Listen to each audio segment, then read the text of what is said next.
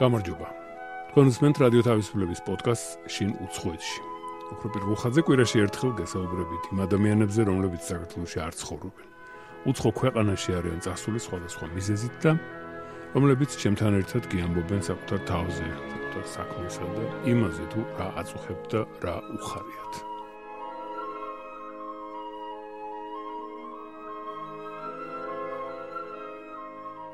ახლა თეატრის რეჟისორი პრაღაში 1990 წელს თბილისში დაბადებული სოხუმიდან წამოსული ოჯახის ვაჟი ლევან მანია 16 წლისა იყო როცა მამამ საერთაშორისო ბიზნესის სასწავლად ავსტრალიაში ადელაიდის უნივერსიტეტში გააგზავნა.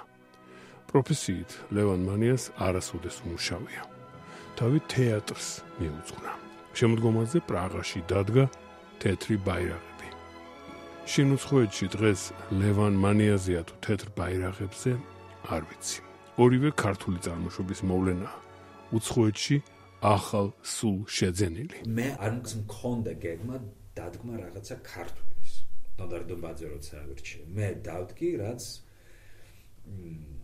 დამიჯდა. და ამ დროს დამიჯდა თეთრი ბაირაღები. და ესე გამოვიდა რომ დამიჯდა რას ნიშნავს? ანუ მე როცა ვეძე მასალას რაც რაც მინდა დავდგა ხო? ну კითხულობ რაღაცას და აი წაკითხვაში რომ რაღაცა ვაი მომივიდა. ცხოეთში ყოფნისას ლევან მანიას და მისი ყაიდის ახალგაზრდა ხელოვანებს არც თუ იშვიათად არ აქვთ სამშობლოს წარმოშობის ქვეყნის მიმართ განსაკუთრებული მიზიდულობა. არ არიან სამშობლოს მარწუხებში ეს თავისებური თავისუფლებაა რაც ხელოვანებს ასე სჭირდებათ? მე ვერ გეტყვით, მაგრამ ლევანმანი ამაზე დაუფიქრებლად მიპასუხებს კიო. კი, რა თქმა უნდა. აა პატარა რო ვიყავი, мама ჩემი და ჩემი ოჯახი ჩვენ სოხუმიდან გაქცეულები ვართ და თელი ჩემი სიცოცხლე მეუბნებოდნენ, შენ ქართველი ხარ, შენ საქართველოს უნდა გიყვარდეს, შენ ისინი არ უნდა გიყვარდნენ, ესენი ხო, ესენი არა, რაღაც სეგრეგაცია იწყებოდა და ყოველთვის მაინტერესებდა აი ხო, კაი, ვარ ქართველი და ანუ უნდა მიყვარდეს საქართველოს. გასაგებია. მე რა ერთადერთი ვიღაცა მე მეუბნებოდა ვინ უნდა მიყვარდეს ვინ არ უნდა მიყვარდეს იმიტომ რომ მე ვარ ქართველი ანუ თქვა ახლა აფხაზია უნდა არ უნდა მიყვარდეს ნუ რომ ქართველი ვარ ანუ მეგრელი სოხუმიდან გაქცეული ან რუსი არ უნდა მიყვარდეს ან ის ან ეს და მე აგას მაგას უსმენდი მაგრამ კიდე კი არ ჩამიჯდა ეს. რომ მე სულ სხვა რაღაც დაინტერესებული ვიყავი. მე რომ ცხოვრობდი ავსტრალიაში, მე რო ცხოვრობდი საქართველოში, რუსეთში, ჩეხეთში, აქ რო ცხოვრობ, კი ვამბობ მე რო ქართველი ვარ, ანუ საქართველოსდან, მამაჩემი დედაჩემი საქართველოსდან არიან, მაგრამ არა მაქვს აქცენტი მაგაზე. უბრალოდ როცა მეკითხებიან მარტივი რაღაცა რო უთხრა, რომ მე ვარ ქართველი და ახლა სხვა რაღაცაზე დაველაპარაკოთ. არა ჩემი მთავარი ესე ჩემი ეთნიკური იდენტიფიკაცია, მაგრამ საინტერესოა ის, რომ ადამიანი კი არის, ვთქვათ, აი იტყვით, რომ არა ვარ რა ქართველი რაღაც თავისუფალი ისა ვარ, მაგრამ გახსოვთ ხომ მუდმივად, ხა. მან პატარა მომენტია იქ რაღაც ადგილი არის, სადაც ნუ თითქოს გინდა კიდეც, ხო, რაღაცა გინდა იყო რა საიდანმე რა. თუ არაფერი არ იყო, არ შეგიძლია რა ეს აი როგორ გითხრათ, თქვენ თვითონ უნდა აირჩიოთ. მე რომ ნახე თქვენ რა დაგიდგამთ და უმთავრესიო რა გითამაშიათ რაღაცნაირად ბოლოს მიადექით თითქოს ქართულ თემას. თითქოს. ეს როგორ მოხდა ხო? მე ქართული ლიტერატურა არა მაქვს ძალიან ცოტა რაღაცა მაქვს დაკითხული რუსულად თანაც იმიტომ რომ მე ქართული მიჭერს ლაპარაკეთ და კითხვა წერა არც ვიცი შემიძლია კითხვა, მაგრამ პატრა ბავშვი კითხულობ ასე. თითიც რომ მივადებ და აი ესე კითხულობ, ნუ არავის არ არ მისწავლია ქართული. უნდა ისწავლო ქართული, მე მგონი, აი რომ რა ვიცი ახლა. ჩემ დედა ჩემს და მამა ჩემს არ არ გონათ რომ საჭირო იქნებოდა. ხო და არა მაქვს საკითხული ქართულად არაფერი. რუსულ თარგმანით კითხულობდი, თეთრ ბარეხები წავკითხე რუსულად, მაგრამ ძალიან მომეწონა. დუმბაძე მომწონს ძალიან მაგის ნაწერი. კი აქვს კი რაღაცა უფრო ქართული კულტურა ენა რაღაცა უფრო მთლიანობაში ძალიან ნეიტრალურია უფრო არის ხალხზე არა ნიშნობა ქართველია რუსია რაღაცა უფრო რაღაცა ხალხზე არის მამაკაცზე ქალზე თეთრი ბარეხები როცა წავიკითხე მეც მე ეგრე მეგონა რომ უფრო ნაკლებად არის რაღაცა ქართველზე. უფრო იყო კაცზე ამას არის ციხეში და მე როცა ადაპტაცია გავაკეთე ყველაფერი რაც ცოტა იყო საქართველოს ან ვიღაცა ქართული ან სომეხი არის გულოიანი ეს ყველაფერი მე ამოვჭერი ამოვჭერი და მე წავიკითხე და რაც მთავარი იყო დარჩა მაგაში რაღაც იყო ლევან მქონდათ ამის უფლება? იცით რა მე ვეძებდი მე ვეძებდი იმიტომ რომ მე როცა ვდგამ რაღაც პიესას ან ვაკეთებ ადაპტაციას მე უნდა გადავხადო წერალს უნდა გადავხადო ფული. უფლება უნდა მიიღო. ვეძებდი თეთრი ბარეხების ვინც დაბეჭდილი იყო ან ოჯახს ვიპოვე და დავდგი და უკვე მე სანამდე დავდგი ეს ორი თუ ერთი კვირით ადრე მე მითხეს რომ არის შვილი ან შვილი შვილი ნოდარ დუმბაძეს უბრალოდ არ მახსოვს საქართველოს ცხოვრობს და ნაცნობი ერთადერთ ჩემი მსახიობის მამას ნაცნობი იყო. და მე ვკითხე მაგას, შეგეძლოთ რომ კითხო თუ თუ შეიძლება ან რაღაცა რო რო გადავხადო, მაგრამ ვერაფერი არ არ მოვიდა ჩემსგან და უკვე ერთი კვირა იყო დარჩენილი, რეკლამა ყველაფერი უკვე გაყიდული რაღაცა არის და თუ შეიძლება პოსტფაქტუმ გადახდა. თუ აქვს შვილს ან შვილიშვილს მაგის უფლება იმიტომ რომ ხოლმე არ არის ანუ ვაყიდული არ აქვს. საავტორო უფლება შეიძლება ან რედაქციას მისცა. კი რა აი მაგას ვამბობ იმიტომ რომ ბოლო რედაქცია მე რომელიც ვიპოვე ციგნი არის მოზაურში ხო. ხო და თუ ამის მერე ამ ამ პოდკასტის მერე ვინმე რომ მომწევს, რა თქმა უნდა მე გადავხდი. ლევან მანიას შესახებ შევიტყვე მის მიერ პრაღაში დადგმული ამ სპექტაკლის გზით. ნოდარ დუმბაძის თეთრ ბაირაღებს საქართველოსში იცნობენ, მით უმეტეს უფრო ადრინდელი თაობის წარმომადგენლები. ამ რომანის მიხედვით თავის დროზე დაიდგა სპექტაკლი, მასში საქართველოს სამსახიობო ელიტა იყო ჩართული. ასევე გადაიღეს ფილმი. ლევანმა ადრე შეიყვარა დუმბაძე. თეთრი ბაირაღების სათეატრო ვარიანტი ინგლისურად თვითონ შეგუნა და დადგა. დადგა თავის მიერ დაარსებულ თეატრში სახელწოდებით The Prompt, Dead Prompt. კუდარი მოკარნახე. წარმოდგენაში უპირატესად ინგლისურენოვანი ამერიკელი და ჩეხი მსახიობები იყვნენ მიწოული და მასში ერთ-ერთი მთავარი ნუნუ ექიმის როლი ჰქონდა ჩვენი კოლეგის ქალიშვილს ლიზი ლიკლიკაძეს. Just tell me. How do you how do you feel like that? I feel her right next to me. I can hear her breath.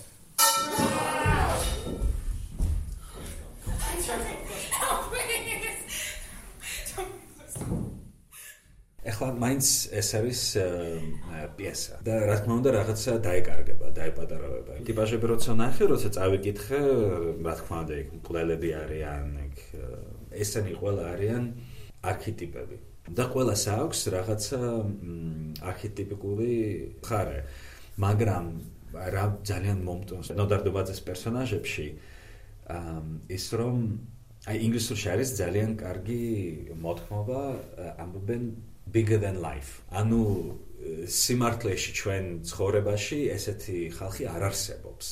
ძალიან ყველა რაღაც დიდია და მოთხრობებში შეიძლება იყოს ერთი ორი თქვათ რაღაცა პერსონაჟი რომელიც ასეთი არის bigger than life დიდი დიდი პერსონაჟი მაგრამ დუმბაძეს ყველა პერსონაჟი არის ესეთი აქედან რომ შეხედავ, ასეთი არის. აქედან რომ შეხედავ, ასეთი არის. მე აქედან ის აქედან ყველა მხრიდან რაღაცა ახალი, რაღაცა დიდი, რაღაცა საინტერესო აქვს და როცა ვკითხულობდი მაგას, მაგას ხედავდი, იმიტომ რომ მე მაინც უფრო ვუყურებდი როგორც რეჟისორი და მაინტერესებდა, იმიტომ რომ როგორც რაც მოთხრობაში, რაც პიესაში ყველა პერსონაჟი აი როგორც დაიწყეს ძალიან სხვანაირად დამთავრდა.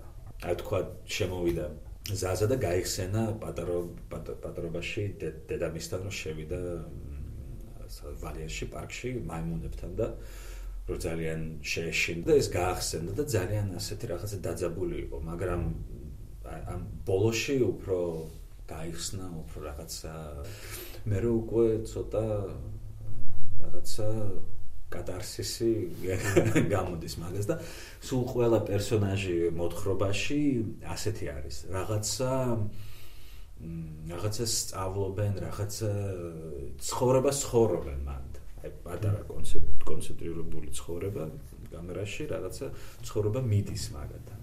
მაგათან ლევან ეხა ეხა თქვენ აღწერთ ამაზე და თქვა ამდენი გიყურებიათ და გინახავთ მაგრამ მე რა მაინტერესებს სით აი ლევან მანიას თვითონ ამ თითოეულ გმირთან ეს კონტაქტი რო აქვს დაიწყეთ ამის ისა, გადათარგმნეთ, დაწერეთ, რეპეტიციები იყო, დადგით და ეხლა გძნობთ რომ რაღაც ნოდარ დუმბაძის ამ პერსონაჟებმა რაღაცა გიქნათ თქვენ, აი რაღაც ხვანაერი გახდით. თქვენთან რა მოხდა? აი ნოდარ დუმბაძემ კონკრეტულად რა გიქნათ? იცით რა ნოდარ დუმბაძე შემცვალა თეთრი ბაირაღების მაქამდე. ან პირველი რაღაცა რაც წავიკითხე ნოდარ დუმბაძეს იყო, მე ვხედავ მზეს, ხო? აი ეს პირველი წაკითხული მაქვს და მე კიდე წავიკითხე აი ყველაფერი რაც პატარა მოთხრობები ქონდა ყველაფერი მაგათი წავიკითხე და სულ აი ბოლო რაც წავიკითხე მაგასი ნოდარდონბაძეს იყო თეთრი ბაირაღები ხო და სანდე მივედი თეთრ ბაირაღებში მე უკვე ვიყავი შეცვლილი ნოდარდონბაძის მოთხრობებით იმიტომ რომ მე რამდენი მაქვს წაკითხული ციგნი არც ისე ბევრი რა თქმა უნდა. აქამდე მაგ ძალიან მეყვარს კითხვა უბრალოდ და არავის მე მგონი არას მე მაქვს დაკითხული მარტო ნოდარ დუმბადეს შეუძლია დაწეროს რაღაც რაღაც დეპრესიული შავი უშნო დროზე ან ადგილზე ან სიტუაციაზე დრო, ომი, ციხე, რაც არის ცუდი, მაგრამ ისე წეს რომ ხალხი ვინც არის ჩაკეტილი მან სიტუაციაში, მაინც ინარჩუნებს რაღაცა სიტფოს და და სინათლეს. და აი აი რაც აქვს დაწერილი ყველაფერი. აი ეს რა ქვია, თეთრი ბაირაღებიც ამისი მაგალითი ხო. და შემეყვარდა მაგაზე და რაც რა შემცვალო უფრო ემპათიური რო გახდა რაც ცუდი არ უნდა ნახო ვინც როგორც ცუდი არ უნდა იყოს ვიღაცა კაცი ან ქალი მაინც რო ცოტა უფრო შემწყნარებულად უფრო რო შეხედო ან სულიერად ა ფიქრობთ რომ ეს რაღაცა ნოდარდუმბაზეში ძალიან ქრისტიანული მომენტია. კი რა თქმა უნდა კი რა თქმა უნდა. მე მე პირადად ათეისტი ვარ. ჩემი ოჯახი ქრისტიანები არიან. მაგრამ მე მე კი ვარ ათეისტი მაგრამ ბაპტისტცემ ყოველას აი ყველა კონფეციას ხო ბაპტისტცემა ერთია. ხო მეორეა რომ ახლა ნოდარდუმაზე საბჭოთა მწერალი იყო საბჭოთა კავშირში ცხოვრობდა. შავთეთრი დრო იყო ხო ისიც საბჭოთა კავშირი იყო. აი ეს უნდა გძულდეს და ეს უნდა გიყვარდეს ყველაფერში ეს ხა მაგრამ ეს ასე ვთქვათ რაღაც ხვანაერი მას მე წაკითხული მაქვს ყველაფერი ძალიან მაინტერესებს რელიგიური თემა. ოღონდ უფრო აკადემიური თეთრი ბაირაღების გმირები იმ პერიოდის საბჭოთა ქართული რეალობის წარმომადგენლები არიან. ასე დაწერა რომანი ნოდარ დუმბაძე.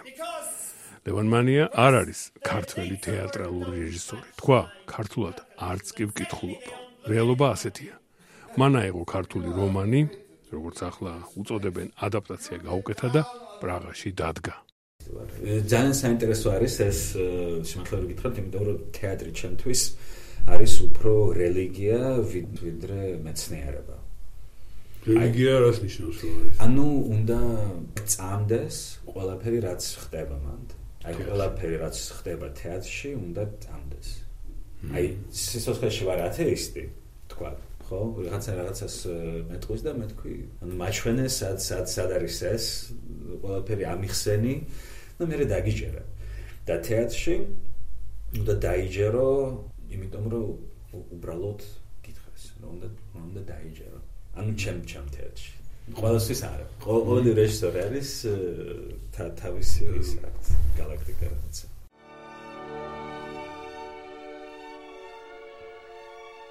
ეს არის პოდკასტი შინ უცხოეთში. გადაცემის ავტორი და წამყვანი ოქროპირ რუხაძე ვესაუბრები პრაღაში მცხოვრებ თეატრის რეჟისორს ლევან მანიას, რომელმაც ჩეხეთის დედაქალაქში სცენაზე აიყვანა თეთრი ბაირაღების ნოდარ დუმბაძის რომანის პერსონაჟები. არის თეატრალური ენა ინგლისურში, ეს არის შექსპირის ენა. სულ სხვა რაღაცა, სულ სხვა რაღაცა, მაგრამ ეს არ არის ჩემი. მე ასე ვფიქრობ, რომ ყველა რეჟისორი უნდა იყოს თავისი, კონდეს რაღაცა თავისი ენა. ხო, და შექსპირი ამას აფუჭებს. აი ვინც რეჟისორი მოდის შექსპირში და აკეთებს შექსპირს, ეკარგება თავისი ენა და აკეთებს შექსპირს ენას. და მე მე რას ვუყურებ? რეჟისორის გაკეთებული რაღაცა თუ უბრალოდ შექსპირს? ვიღაცასთვის ეს კაი არის. პიტერ ბრუკ დაწერა empty space. არის სულ 4 სხვა თეატრი. არის deadly theater, rocklaves. აა, თეატრს კლავს. ა თეატრს რომელიც ყავს ხო ხო თეატრის მკვლელი თეატრის მკვლელი თეატრი თეატრი ხო არის შეიქსპირი აი ეს ყველა ძველი დროინდელი ეს კლავს თეატრს და მე სამი სხვადასხვა ერთადერთი არის holy theater ანუ წმინდა წმინდა წმინდა ოღონდ წმინდას რას გულისხმობს პეტრობრუკი წმინდა ნიშნავს რომ სულიერი რას ამბობს რომ make invisible visible. ხო უხილავი უნდა გააკეთო ისე რომ ხალხი დაინახავს. ანუ უფრო რაღაცა ფსიქოლოგიური არის უფრო რაღაცა საინტერესო არის ანუ ჰოლიფეიტ და მე აი ვცდილობ უფრო რომ მქონდეს ჰოლიდეით. ავსტრალიაში ადელაიდის უნივერსიტეტში ბიზნესის ხელოვნებას ეუფლებოდა, მაგრამ თეატრის ხელოვნებას ის არ ანაცვალა. ლევან მანიამ ადელაიდაშიც მოახერხა თეატრში ეთამაშა, მოსკოვშიც და პრაღაშიც, ასევე თბილისშიც. ახლა პრაღის დივადლო ნაპრადლეს სცენაზე მან დადგა როგორც ითქვა თეთრი ბაირაღები. გითხარით სპეციალობით არასოდეს უმუშავეა ლევან მანიას მეთქი. მუდამ ახერხებდა პარალელურად თეატრი ეკეთებინა. ადრე როგორც მსახიობს, ასევე და ახლა უკვე რეჟისორს. მისი მშობლები პრაგმატული ხალხია და თეატრის მიმართ დიდი ინტერესი არ აქვთ. სიმართლე რომ გითხრათ, აა მამა ჩემს არ აინტერესებს თეატრი, არ ინტერესებს არ ინტერესებს ახლა გავრაზებული მაღაზია არ ვარ რომ რო არ მოსდოს ვიღა ინტერესებს ჩემ ჩემი მშობლები ძალიან პრაგმატიური ხალხი არის. და რაღაც გაწენილი ან გავრაზებული მაღაზია არა ვარ. და დედას აი ხა ეს ზეთრი ბაირაღები რო დაიდგა და რაღაც არ ქონდა თქვა ამაზე რაღაც არ გიამბნიათ მისთვის და არ ქონია სული რომ ნახოს რადგან ქართული თემა დადგით ასე ვთქვათ თვითონ ფილოლოგია, ანუ წაკითხული რა თქმა უნდა აქვს თეთრი ბარახები იცის რომ რომ დავთქვი, მაგრამ არც დედაჩემს, არც მამაჩემს ჩემი ერთი არაფერი არ უნახია, არც და დამდგარი, არც სადაც მსახიობად ვიყავი და ვაფშე არ მქონდა, ანუ სადღაც რაღაცა ფიქრი, აი დედაჩემი რომ ნახ, ნახავს უფრო შევუყვარდები, როგორც შვილი, ძალიან ვუყვარვარ დედაჩემს, ნახდათ ვიცი, არ მინდა.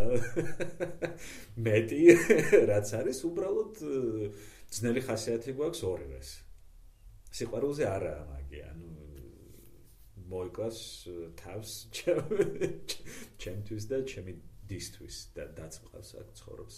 19 წლიანი არის ხო და ძალიან უყვარვარ და მე ძალიან მიყვარს უბრალოდ აი სკაიპში ჩხუბი რო არ დაიწყოს და არასდროს არ მაინტერესებდა ბიზნესი და არ მაინტერესებდა ბიზნესი, არ მაინტერესებდა ესეთი არაფერი, ანუ 16 წელს ვიყავი და მამა ჩემო მითხრა, წახვალ და ისწავლე. ხო, კაი მამა, წავალ და ისწავლე რა. რა ვქნი ხო? აი მე 6 წელს რო ვიყავი რო დავიწყე თეატრი, მე უკვე ვიცოდი ეგა. პირველი როლი რა იყო თქვენი? პირველი როლი ჩემი იყო დოქტორ ვატსონ. Sherlock Holmes-ი დოქტორ ვატსონი და თამაშობდი დოქტორ ვატსონს. რამდენი წლის იყავი როზავაციონი თამაში? ვაიმე. 9 წლის თუ 10 წლის არ მახსოვს უკვე. სად დაიდგა ეს ახლა? სკოლაში. უბრალოდ სკოლაში. რამდენ უბრალოდ მახსოვს რომ მე ვიყავი დოქტორ ვაცენ და ყოველს ძალიან მოეწონა, უფრო მოეწონა ჩემი ვიდრე ხო, შელახონსი. ხო. მარტო ეგ მახსოვს, მე უკვე არაფერი არ მახსოვს რა რა ხდებოდა მან. ხო, ანუ ჩემ მშობლებს არ აინტერესებს, ეხლა მამაჩემს უფრო აინტერესებს, იმიტომ რომ რაღაცა ფესტივალებში დავდივარ, მიმაქვს რაღაც სპექტაკლები ფესტივალებში, ბრემენში, სანქტ-პეტერბურგში და რაღაცას ვიგებდი და ეხლა უფრო მაგას აინტერესებს როგორც ბიზნესი, თეატრის ბიზნესი და უფრო რაღაცა დაინტერესებული არის. რა გქონდა წაღებული გერმანიაში? აა როგორც მსახიობი ვიყავი გერმანიაში. ხო. ჯერჯერობით, იმიტომ რომ აი რაც იყო ფესტივალები, ეს ყველა რუსულად იყო ფესტივალები და მე უკვე რუსულად არ მაინტერესებს გაკეთება, უფრო ინგლისურად მაინტერესებს. ლევა, აქ თეატრის კეთებას ფული ჭირდება? კი, რა თქმა უნდა. საიდან მოდის ეს ფული? ჯიბიდან. რომელი ჯიბი? ჩემ ჯიბიდან. ჯიბეში საიდან შედის? აა, მუშაობ. მუშაობ სამსახურში, მუშაობ, იმიტომ რომ შვილი მყავს და რაღაცა და ვაჭამო, ჩავაცვა.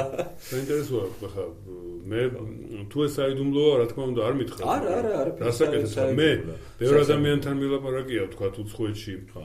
მყოფებთან, რომლებიც ხელოვანები არიან, რომლებიც აკეთებენ სუფთა ხელოვნებას, მაგრამ ყველა სადღაც რაღაცას მუშაობს, აკეთებს იმისთვის, რომ იყოს შემოსავალი, რომ ეს თავიანთი საქმე დააფინანსონ და თავის საქმეში იყვნენ თავისუფალი. ა რა თქმა უნდა. ანუ ახლა მე რო არ ვმუშაო თეატრი თეატრს არ მოაქვს ფული. ჩემთვის. ანუ მე მუშაობ როგორც technical writer როგორც თქვა. ტექნიკური მწერალია. მწერალი, ანუ ოფისში მუშაობ, IT-ში ვწერ დოკუმენტაციას IT-შნიკებისთვის. და ეს ოფისში გშველით რო თეატრი კი, კი. აი, ანუ კი, შველის ახლა აი თეთრი ბარახები მე ნულში გავაკეთე. ანუ რაც ვალი არ დაგედო. ხო, რაც დავხარჯე აი დამებრუნდა და სულ ცოტა დარჩა და ეს რაც ცოტა დარჩა ეს ყველაფერი სახიობრების ავტოპატი დაიხარჯა. და სახიობებს არ უნდათ რომ ფული კონდეთ? აა კი, რა თქმა უნდა, უნდათ, მაგრამ იციან რომ თეატრში ფული არ არის. არ არის თეატრში ფული. არასდროს არ იყო, არც იყო. ყველაფერი აი დიდი თეატრი რაც არის, ეს ყველაფერი არის სუბსიდიები და დატაციები სახელმწიფო სახელმწიფოდან. მაგრამ არავის ერთხელაც არ უკითხია ჩემთვის ფული თუ იქნება. თუ იქნება რაღაცა დარჩენილი პუში თუ თუ ჩავშდები, აი რაც პუსი იქნება, ყველაფერი მივცემ და ჩეხეთში რატომ მოხდით მაშინ? მე მეგონა რომ პრობლემა ჩამოგიყვანეს და რაღაც ეგეთი მოხდა. მე ასელის მერე ჩამოვედი საქართველოში, საქართველოში ცხოვრობდი 4 წელი. აა 24 წლის რო რო გავხდი, დამებადა შვილი. სად? ბასად გაჩნდა სებასტიანი. გაჩნდა ბრატისლავაში, სლოვაკეთში. ანუ დედამისი არის სლოვაკიიდან.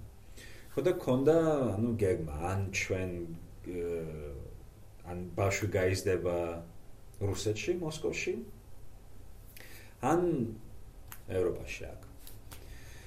და მამაჩემ ყოველთვის მეუბნებოდა, რაც არ უნდა მოხდეს შენთან და შენ ცოლთან, რა ურთიერთობა არ უნდა გქონდეს. გაშორებული ან არ გაშორებული, გაშორებული ან ჩხუბი ან რაღაცა, ბავშვი ყოველთვის, ანუ შენი ბავშვის დედა უნდა იყოს ბედნიერი და დედა თუ არის ბედნიერი, ბავშვიც ბედნიერია და მე ვიფიქრე, უფრო ბედნიერი იქნება დედამისი თავის ოჯახთან, ვიდრე ჩემ ოჯახთან სადღაც. და ასე ვიფიქრეთ, რომ ჩვენ გადავალთ ბრატისლავაში, ბრატისლავაში ვიცხოვრობ, ჩვენ შეხვდით თბილისში, თბილისში როცა ცხოვრობდი, სტუდენტი იყო. და გადავედით ბრატისლავაში, ბრატისლავიდან ბრნოში, სწავლობდა ჩემი შვილის დედა და მე ბრნოდა პრაღაში. ანუ ბავშვთან ვარ. არ მინდა დაშორება ბავშვთან და სადაც ბავშვი ცხოვრობს, იქ ცხოვრობ მე. და სიმართლე რო გითხრათ, ახლა პრაგა არ არის ცუდი ქალაქი რო ჩარჩე ცოტა. ცოტა რო გაიზრდება ბავშვი, რა თქმა უნდა, მე ან დაუბრუნდებით თბილისში, ან ძალიან მიყვარს თბილისი, ან სადღაც ვიცხოვრებ თანც. აი ყოველას ვეუნები რომ ძალიან მიყვარს თბილისი, ძალიან მიყვარს საქართველოსში. აა